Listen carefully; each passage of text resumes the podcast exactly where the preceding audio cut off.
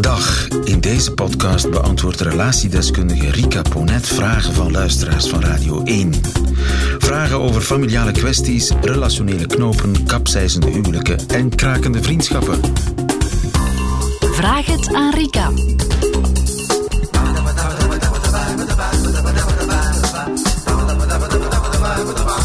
Ik uh, wou jou vandaag de kwestie René voorleggen. Oké, ik luister. René, met een uh, de, de Het is een Ja. vrouw. Een vrouw van midden 40, schrijft René. Na mijn scheiding slaagde ik er na een moeilijk jaar in om samen met mijn kinderen een fijn nieuw leven op te bouwen. Ik ben hoger opgeleid, heb een goede job, fijne hobby's en vrienden en moet mezelf niets ontzeggen. Al vier jaar heb ik een relatie met een hele lieve, zachte man. We hebben een ongelooflijke klik en bij niemand voel ik me zo goed als bij hem en niemand doet me zo lachen als hij. We blijven echter in een latrelatie hangen. In het begin wilden we tijd en rust, zodat alle kinderen aan elkaar konden wennen. Maar intussen zijn we vier jaar verder en zijn we deze fase al lang voorbij. Mijn partner vindt het helemaal prima zo. Ik zelf merk dat ik meer en meer afstand neem. Ik ben degene die meestal verhuist, week om week. En ik ben doodmoe. Moe van het koffers maken, moe van de klusjes die blijven liggen, moe van alle hobby's. Moe van alle hobby's? Ja, Van de maar, kinderen. Eh, ja, misschien dingen die ze daar doet en dan dingen die ze ook thuis nog. eh, en dan misschien ook de kinderen, inderdaad. Het, het gecombineerd. Ik ja. kom nergens meer tot rust, schrijft René. Ik ben vaak ziek. Samenwonen is voor hem onbespreekbaar, voornamelijk door de sterke invloed van zijn ouders op hem. Na een mislukte huwelijk willen zij liever dat hij geen grote engagementen meer aangaat, uit angst weer gekwetst te worden. Hoe kunnen we deze relatie toch laten slagen? Heeft een latrelatie überhaupt kans op slagen? Vele vrienden uit mijn omgeving zie ik worstelen met hetzelfde probleem. Ja. Dus een latrelatie lijkt me toch geen ideale, langdurende situatie. Warme groet van René, ja, Rika. het is iets waar heel veel mensen inderdaad mee Is dat zo?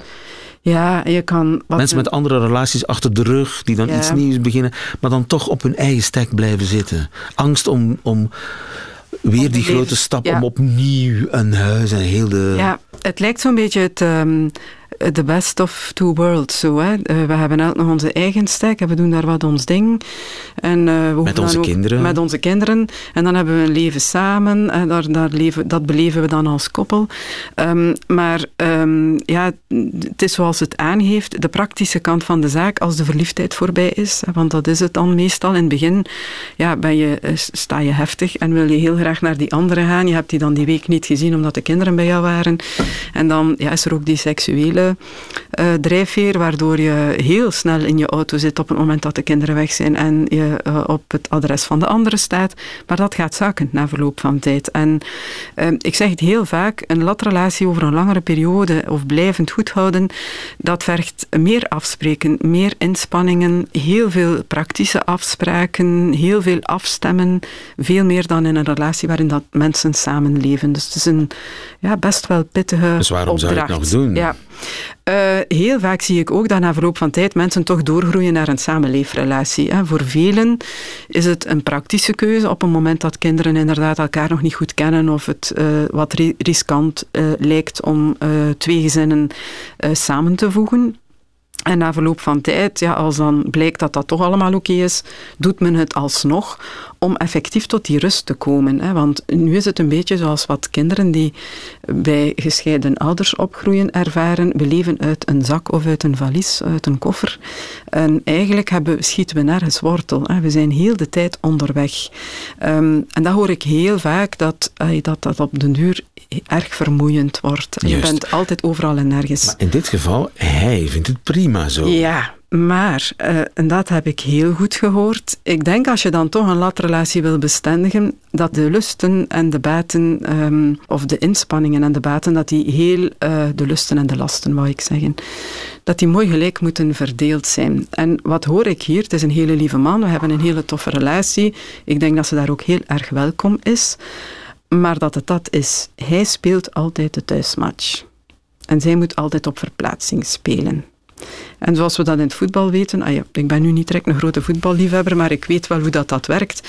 Een thuismatch is meestal een match die je wint. Hè? Of daar ben je in het voordeel, zo wordt dat toch gezien. En waarom is dat? Dat voelt aan als thuis. Je hebt daar minder stress.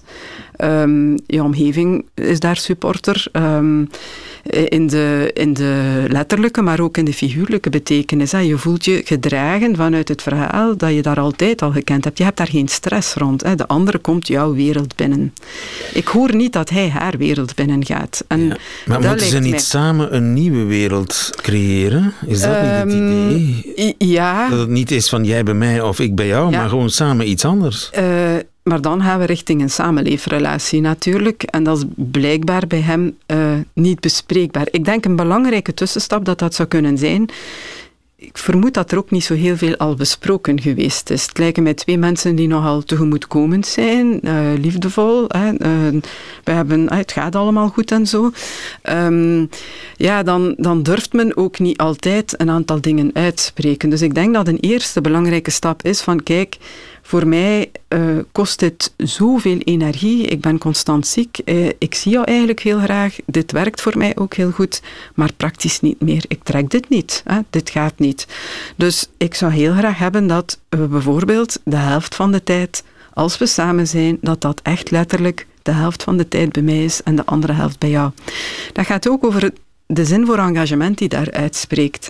Je mag ergens heel erg welkom zijn, maar uiteindelijk zal onderliggend toch de frustratie tot stand komen. De inspanning moet altijd van mij komen. Eigenlijk ben ik het altijd die op zijn speelhelft komt spelen. Het is toch vaak zo dat er een, een zeker onevenwicht is. Ja, en maar in een latrelatie... Dat de liefde toch altijd een beetje groter is aan de ene, de ene ja. kant dan aan de andere en, kant. Ja, ook misschien de angst voor verlies van de relatie. Aan de ene kant altijd wat groter is dan aan de andere. Dus er aan de ene kant wat meer geïnvesteerd wordt in het wij-verhaal en de andere zich dat wat meer laat welgevallen.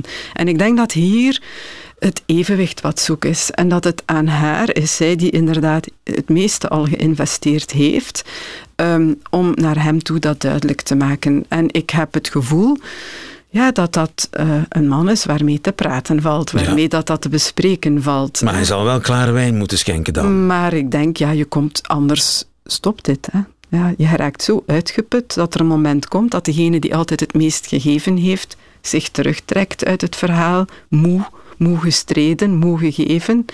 En dan heeft de ander ineens het gevoel, ja, je hebt nooit wat gezegd, of uh, hoe komt dat nu? En, uh, dus uh, ik denk dat dit het moment is om, eh, om dat te bespreken. elk ja, gelijk verdeeld thuismatchen en matchen op verplaatsing spelen. Dat lijkt mij een hele belangrijke. Dankjewel Rika, en ik hoop René dat we jou op het goede pad hebben gezet. Heeft u zelf een vraag voor Rika Ponet? Stuur ze dan naar nieuwefeiten.radio1.be. En wie weet hoort u het antwoord in een volgende podcast. Namen worden sowieso veranderd.